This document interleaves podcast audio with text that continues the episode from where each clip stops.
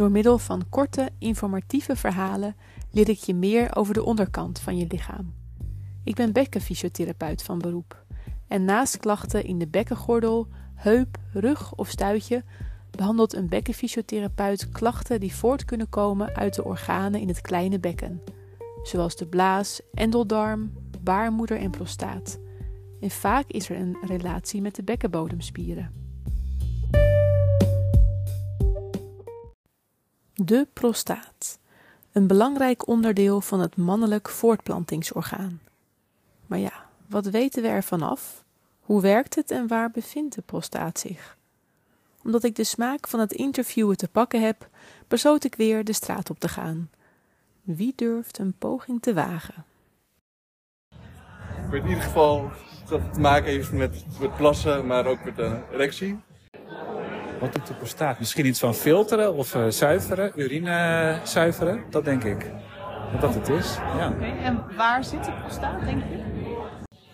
Even denken hoor. Ik denk uh, net onder je blaas, denk ik. Mannen hebben die. Uh, je kan hem masseren, heb ik gehoord. En uh, prostaatkanker, die associatie heb ik ook mee. De voorstanderklier. Um, ja, waar, uh, waar, wil je daar beginnen? Ik denk dat het een soort verlengsnoer is tussen ja, de piemel en de anus, een soort van tussen, tussenin. Ja, en dan de blaas zit ook ergens verbonden, ja.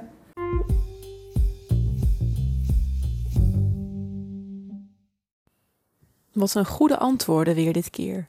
In ieder antwoord zat een kern van waarheid. Zowel het rectum, blaas als prostaat hebben een link met elkaar. Eerst zal ik vertellen over de exacte locatie en functie van de prostaat. Mocht je het lastig vinden om het volgende te visualiseren en je toch interessant vindt om te weten hoe het mannelijk bekken uh, in elkaar zit, raad ik je aan op internet te zoeken op kleine bekkenman of gewoon op prostaat. Sowieso boeiend om eens te zien, want zoals je hoorde wisten de mensen die ik interviewde het ook eigenlijk niet. Behalve één. Inderdaad. De prostaat wordt ook wel de voorstanderklier genoemd. Prostatus betekent in het Grieks namelijk de wachter, dus iemand die iets bewaakt. Misschien valt er al een kwartje en anders wordt het later helemaal duidelijk. Oké, pak je afbeelding erbij of gebruik je fantasie. Ter hoogte van de navel ligt iets naar binnen en naar onder de blaas. Misschien herken je wel dat als je je plas heel erg lang hebt opgehouden, er een soort zeurende, krampende buikpijn kan ontstaan, laag in je onderbuik. Daar ongeveer zit de blaas. En direct onder de blaas bevindt zich bij mannen de prostaat. Die verbinding tussen de blaas en de prostaat wordt afgesloten door een kleine cirkelvormige spier, die je niet zelf kunt aansturen. De prostaat heeft bij mannen onder de 25 ongeveer de grootte van een walnoot en is rond de 20 gram en zal gedurende de leeftijd meegroeien.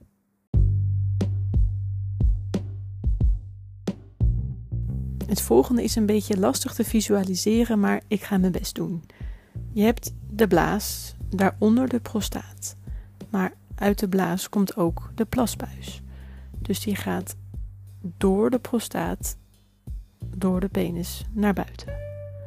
Maar de testikels hebben ook een zaadleider die gaat ook naar de prostaat. En die zaadleider die komt eigenlijk samen in de plasbuis.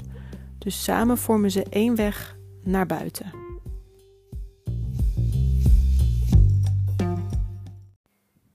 In de prostaat wordt prostaatvocht aangemaakt en opgeslagen.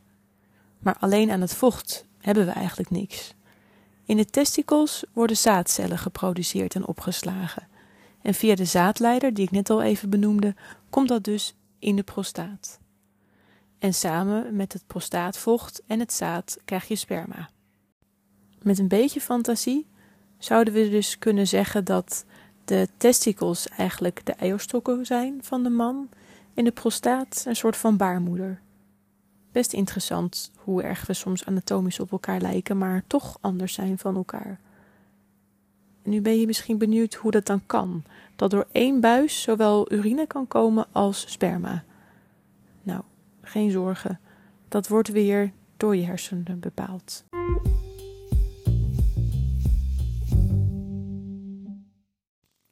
Kenmerken van een vergroot prostaat zijn een minder krachtige straal, het gevoel hebben niet helemaal uit te kunnen plassen en heel vaak moeten plassen.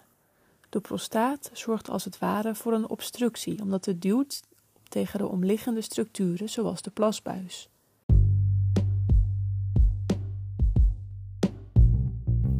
Om te bepalen of de prostaat vergroot is, wordt onder andere een rectaal touché uitgevoerd. Dit gebeurt meestal door de uroloog of huisarts. Zij brengen dan hun vinger in via de anus en beoordelen de grootte en elasticiteit van de prostaat. Om de prostaat te laten krimpen kan medicatie worden ingezet. Soms wordt er geopereerd en soms kan de bekkenfysiotherapeut iets voor je betekenen. Een bekkenfysiotherapeut zal in dit geval alles over je willen weten. Van het plassen, ontlasten tot seksuele activiteiten en andere klachten in het bekkengebied. We zijn aangekomen bij het einde van de aflevering. En ik heb helaas geen goede tips of tricks dit keer. Maar ik wil je wel vragen om na te denken um, over onderwerpen waar je meer over zou willen weten. Je kan een reactie achterlaten ergens onderaan de aflevering. Er staat in ieder geval QA. Laat daar een berichtje achter, dan heb ik weer inspiratie voor een volgende aflevering. Bedankt voor het luisteren.